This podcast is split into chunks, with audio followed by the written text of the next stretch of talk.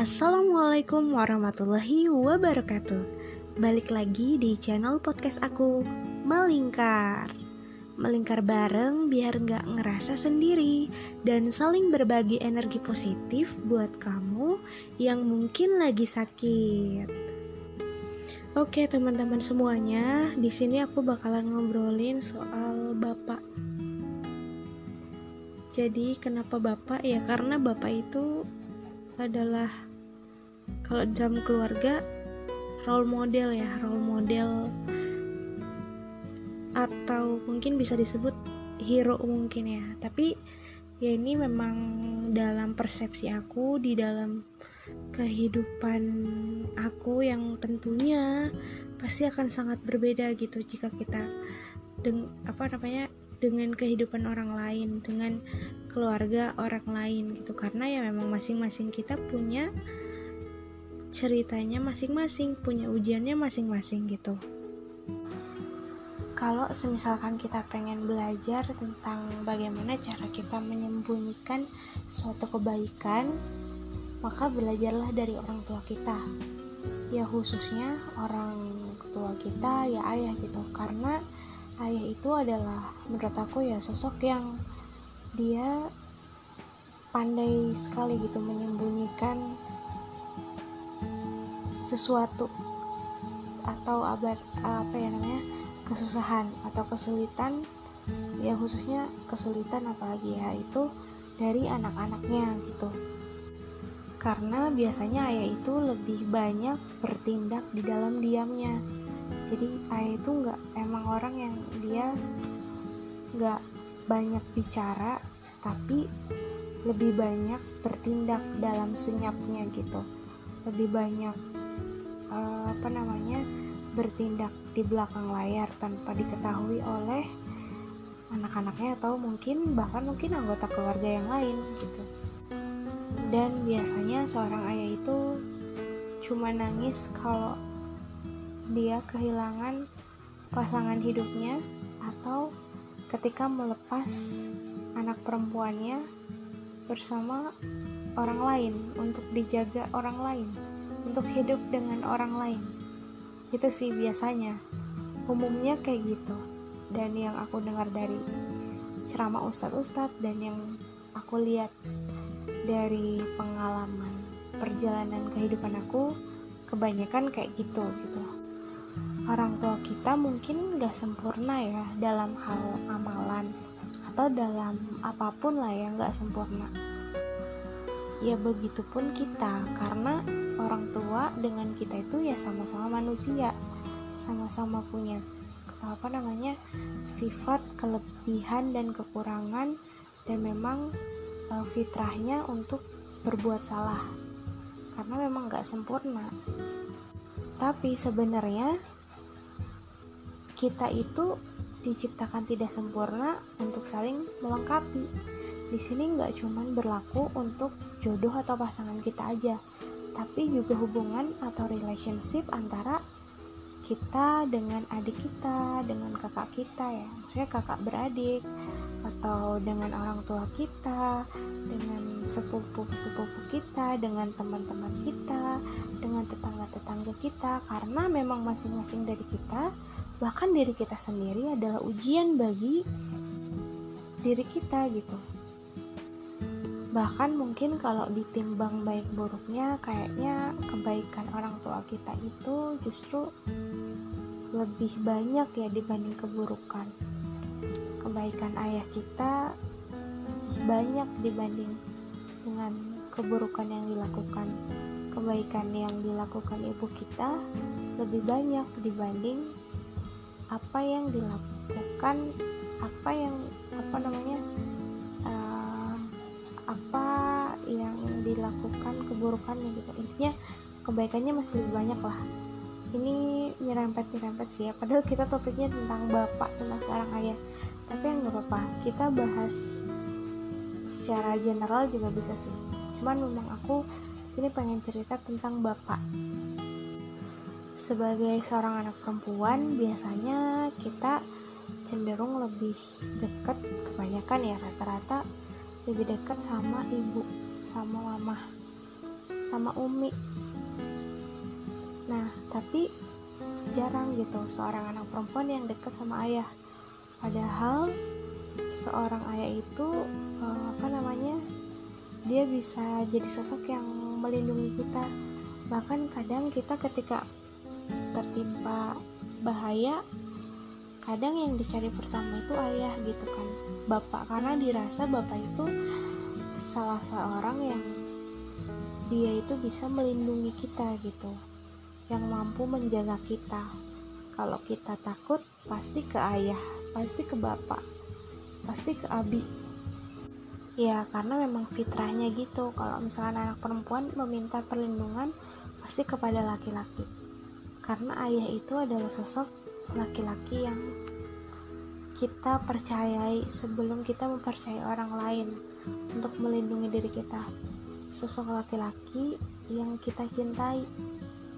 Mungkin cinta pertama kita ya kepada seorang laki-laki di bumi yang masih terlihat yaitu ayah kita gitu bapak kita adik kita.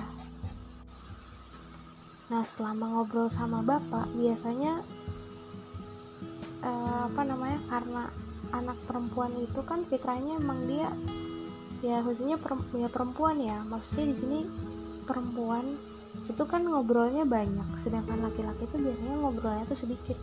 Bahkan kayak ngobrolnya tuh singkat-singkat gitu loh. Kayak semisal contoh uh, kita nanyain kabar assalamualaikum pak misalkan gitu kan. Uh, gimana kabarnya?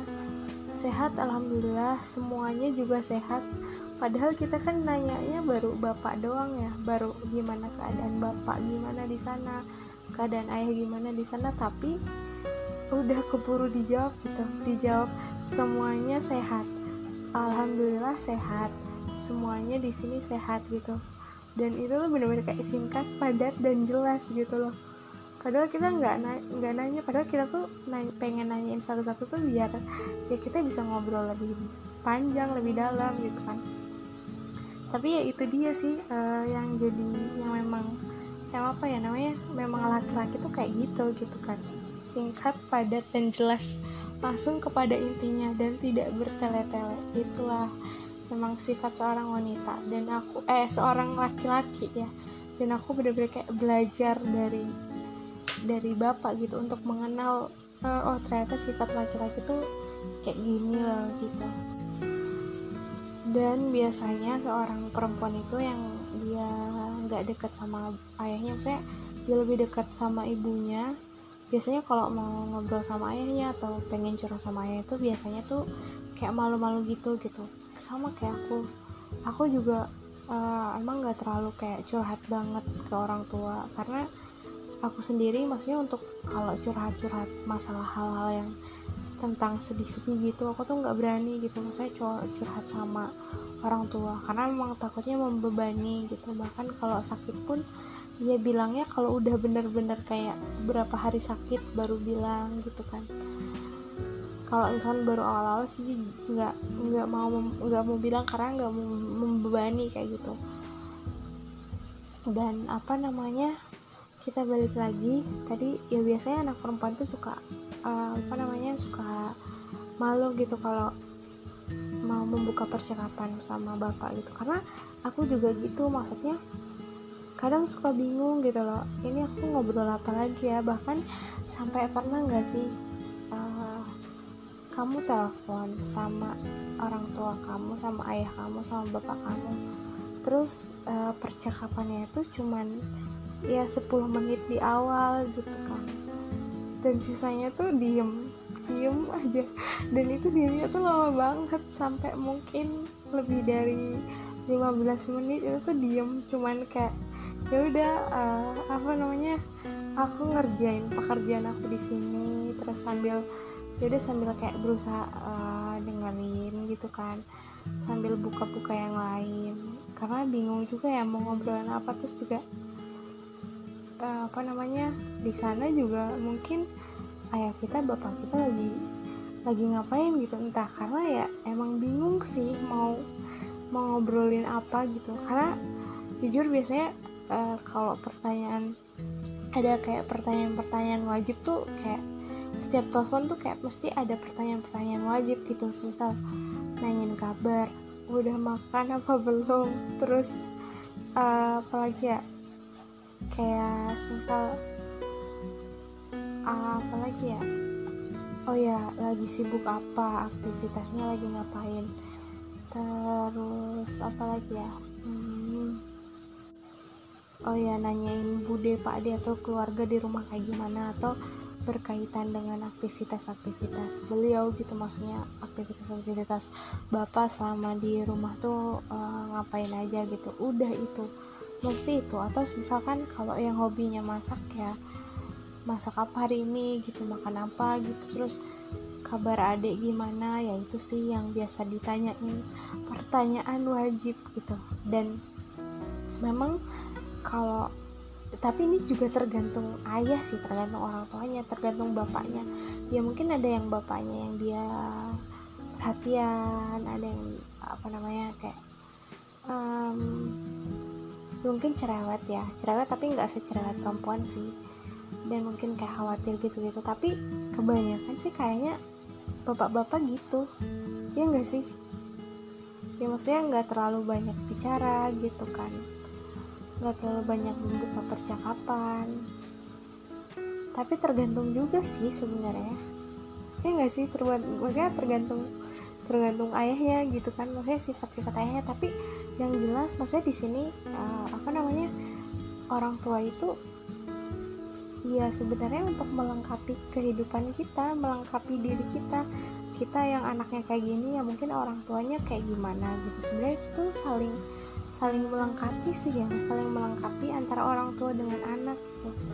dan sebenarnya di balik diamnya orang tua di balik diamnya seorang ayah itu biasanya uh, mereka tuh menyimpan beban yang luar biasa gitu ya. Mungkin beban tentang kehidupan keluarganya nanti kayak gimana gitu kan. Masa depan anak-anaknya kayak gimana apakah dia berhasil mendidik anaknya atau enggak kayak gitu. ya mungkin ya bisa jadi ya. Ini cuman persepsi aku aja sih.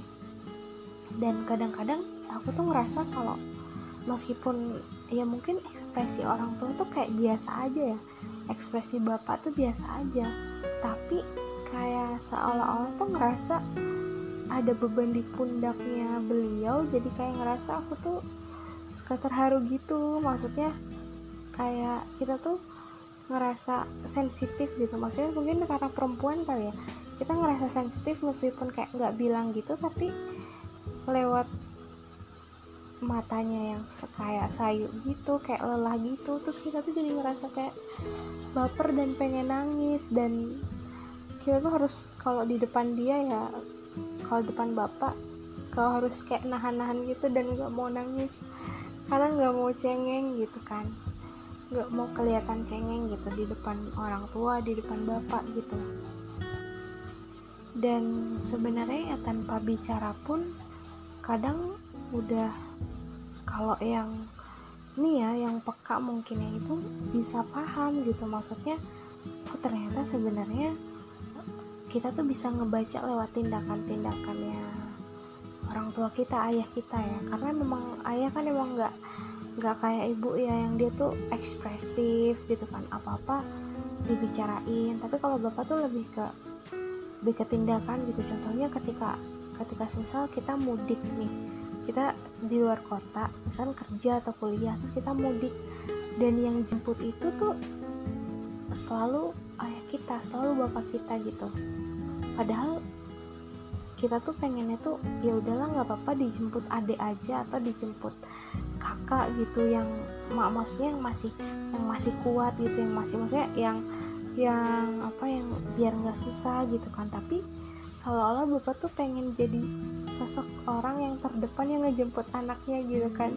Karena itu tuh menandakan bahwa sebenarnya ya orang tua tuh kangen orang tua tuh rindu orang tua pengen pengen memberikan yang terbaik gitu. Meskipun kayak udah udah mungkin usianya udah nggak lagi muda ya udah sepuh gitu. Bahkan waktu pas aku mudik dari Jakarta kayak uh, udah biar aku aja yang nyetir gitu kan nyetir motor misalkan di di depan gitu.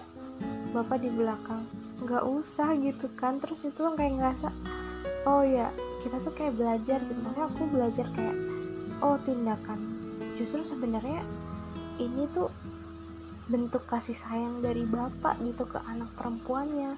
Salah satu bentuk kerinduan seorang bapak ke anak yang merantau gitu. Karena bapak itu emang just sosok yang apa yang dia tuh nggak bisa mengungkapkan langsung gitu. Misalkan kak bapak kangen sama kamu bapak pengen ngelihat kamu pengen ketemu kamu tuh enggak gitu. Enggak kayak gitu. Tapi tapi lewat lewat kayak tindakan sekecil itu sesederhana itu kalau kita mau berpikir tuh ya sebenarnya itu tuh bentuk kerinduan dari orang tua bentuk kasih sayang seorang bapak kepada anak perempuannya gitu yang apa namanya yang apa yang yang yang nggak bisa diungkapkan gitu. Ya kan namanya laki-laki mungkin ya gengsi untuk mengungkapkan. Jadi biasanya ya memang mending lewat tindakan gitu kan.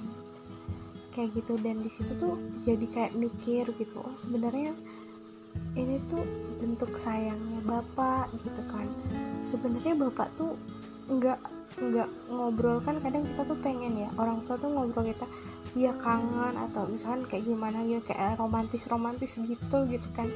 Ke anaknya yang kayak perhatian ya namanya perempuan ya mungkin pengennya tuh kayak ditanyain diperhatiin banyak ditanya kamu gimana kabarnya uh, kamu juga baik-baik ya kesehat jaga kesehatan di sana gitu-gitu kan. Maksudnya kayak kayak ibu lah ya. Kalau ibu kan pasti kayak gitu ya cerewet gitu. Tapi kalau bapak tuh enggak gitu.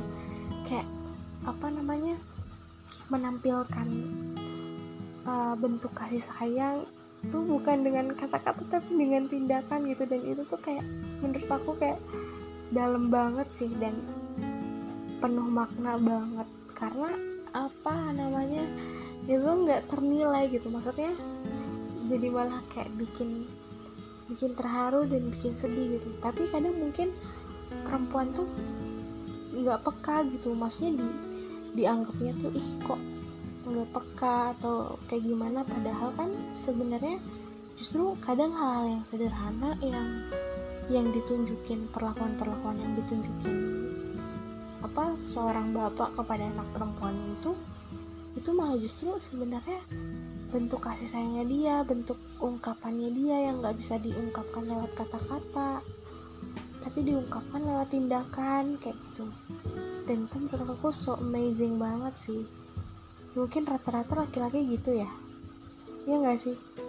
Laki-laki kayak gitu nggak sih? Maksudnya nggak selalu ngungkapin gitu kan. Dan dia tuh kayak lebih ke ya udah tindakan aja gitu dan itu menurut aku laki-laki yang gentleman banget yang bertanggung jawab sih.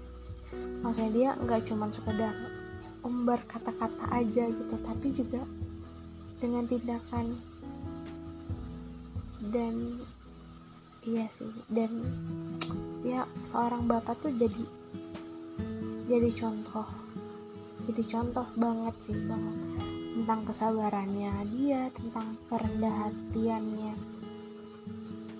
Beliau gitu kan tentang kesabaran menerima dan menjaga dan apa namanya tetap setia sama istrinya gitu. Bahkan di saat istrinya sakit itu justru salah satu orang yang paling setia mendampingi di sisi sosok sisi seorang istri yaitu ya suaminya bapak kita gitu. Dan ya mungkin tiap orang tiap keluarga beda-beda ya tapi coba mungkin kita tuh harus bisa sebagai anak mungkin ya. Kalau aku sih harus bisa lebih hmm, apa namanya lebih peka dan lebih memahami sih. Maksudnya lebih bisa ngelihat dari sisi nggak hanya dari sisi kita aja sebagai perempuan tapi kita juga harus bisa ngelihat bagaimana sih si, uh, cara pandang seorang laki-laki kayak gitu. Oh kalau laki-laki tuh ketika kayak gini tuh dia ternyata tuh adalah bentuk kasih sayangnya dia perhatiannya dia perhatiannya ayah seorang ayah kepada anaknya kayak gitu kan dan memang laki-laki memang nggak banyak bicara kayak perempuan gitu. Ya sudut pandangnya tuh beda gitu kan. Kadang malah uh, apa namanya maksudnya perempuan kayak gini tapi maksudnya laki-laki kayak gini. Maksudnya bapak kayak gini maksudnya anaknya kayak gini gitu sebenarnya lebih ke komunikasi sih makanya kadang harus cross check cross check. Kalau misal kita ngobrol sama ayah ya sama seseorang yang dia tuh memang berbeda gender gitu dari kita. Karena bisa jadi maksudnya karena pernah ya maksudnya uh, maksudnya ayah tuh kayak gini. Sebenarnya maksudnya ayah tuh sayang gitu melakukan ini tuh karena sayang. Tapi sebagai anak perempuan kayak nanggepnya tuh kok gitu sih? Kok bapak kok ngerasanya nggak sayang ya sama aku? Kayak gitu. Padahal itu justru tuh ungkapan rasa sayang gitu.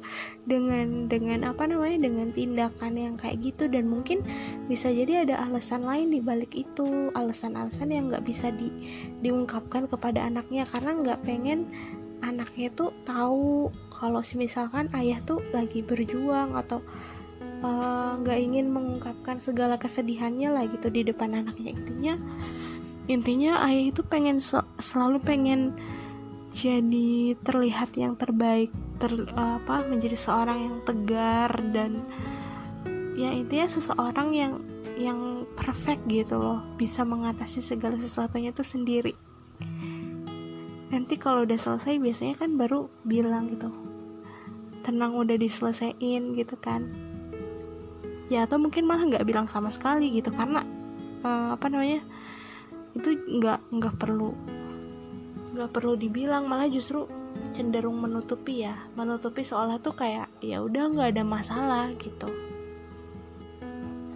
Dan biasanya kalau udah ngobrol sama bapak itu suka deep talk banget sih. Maksudnya banyak banget kayak nasihat-nasihat yang yang apa namanya yang dia tuh singkat sih singkat-singkat. Meskipun singkat-singkat tapi tapi benar-benar dalam banget nasehatnya itu. Kayak contoh semisal kita harus jaga diri terus uh, apa namanya jangan pernah mengecewakan orang lain gitu karena uh, maksudnya bukan mengecewakan ya apa? Kepercayaan iya tentang kepercayaan. Jadi kayak kita nggak boleh uh, mengkhianati kepercayaan orang lain kepercayaan yang orang lain kasih ke kita karena kepercayaan itu berharga gitu. Kepercayaan itu nggak gampang di didapatnya gitu. Jadi jangan sampai kita meng, mengecewakan orang yang menaruh kepercayaan kepada diri kita gitu. Itu sih salah satunya. Dan masih maksudnya masih banyak lagi nasihat-nasihat yang mungkin uh, apa namanya orang tua atau ayah tuh kasih gitu. Ya termasuk mungkin teman-teman ada nasihat-nasihat lain yang bisa lebih berharga ya untuk kehidupan. Nah itu bisa diingat-ingat kembali gitu. Nasihat-nasihat dari ayah kepada anak perempuannya. Karena ya tuh bener-bener kayak ngajarin kita tuh buat mandiri buat nggak cengeng buat apa namanya buat selalu menutupi segala kesedihan buat tegar gitu dalam menghadapi setiap kehidupan. Saya puitis banget. Eh nggak puitis sih ya biasa aja. Ya intinya kayak gitu sih. Dan aku adalah anak perempuan yang sangat bangga kepada ayahnya kepada bapaknya apa pun keadaan bapak maksudnya apa pun yang uh, di luar dari sifat-sifat dan keadaan bapak saat ini yang memang apa adanya gitu kan ya sebagai anak aku bisa menerima gitu. Dan malah justru banyak hal pelajaran tentang kehidupan yang bapak kasih yang ayah cerita dan itu benar-benar jadi bahan pelajaran buat anaknya buat aku terutama. Dan jujur yang ngajarin aku untuk menggunakan maksudnya menggunakan bahasa yang baik dan sopan itu bapak gitu. Karena kata beliau bahasa itu nggak beli gratis gitu. Jadi kita harus pakai bahasa yang baik kita harus sopan sama orang lain pakai bahasa yang halus yang intinya yang tidak menyakiti orang lain. Lawang nggak perlu bayar ngobrol pun kenapa kita harus pakai bahasa yang kasar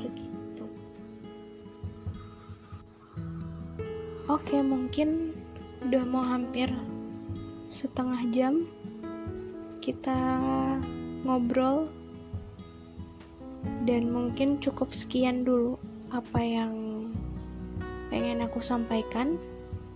Semoga ada pelajaran yang bisa diambil dari obrolan kita pada kali ini pada podcast aku kali ini. Yang baik mungkin bisa diambil dan yang gak baik bisa dibuang aja dan setiap keluarga beda-beda dan punya caranya sendiri punya jalannya sendiri, punya ceritanya sendiri. Tinggal gimana kitanya aja bisa ngambil hikmah, bisa ngambil pelajaran dari uh, kehidupan kita masing-masing. Dan tentunya cara-cara yang kita dapat pun pasti akan beda-beda juga. Gitu. Jadi selamat mencari hikmah Wassalamualaikum warahmatullahi wabarakatuh.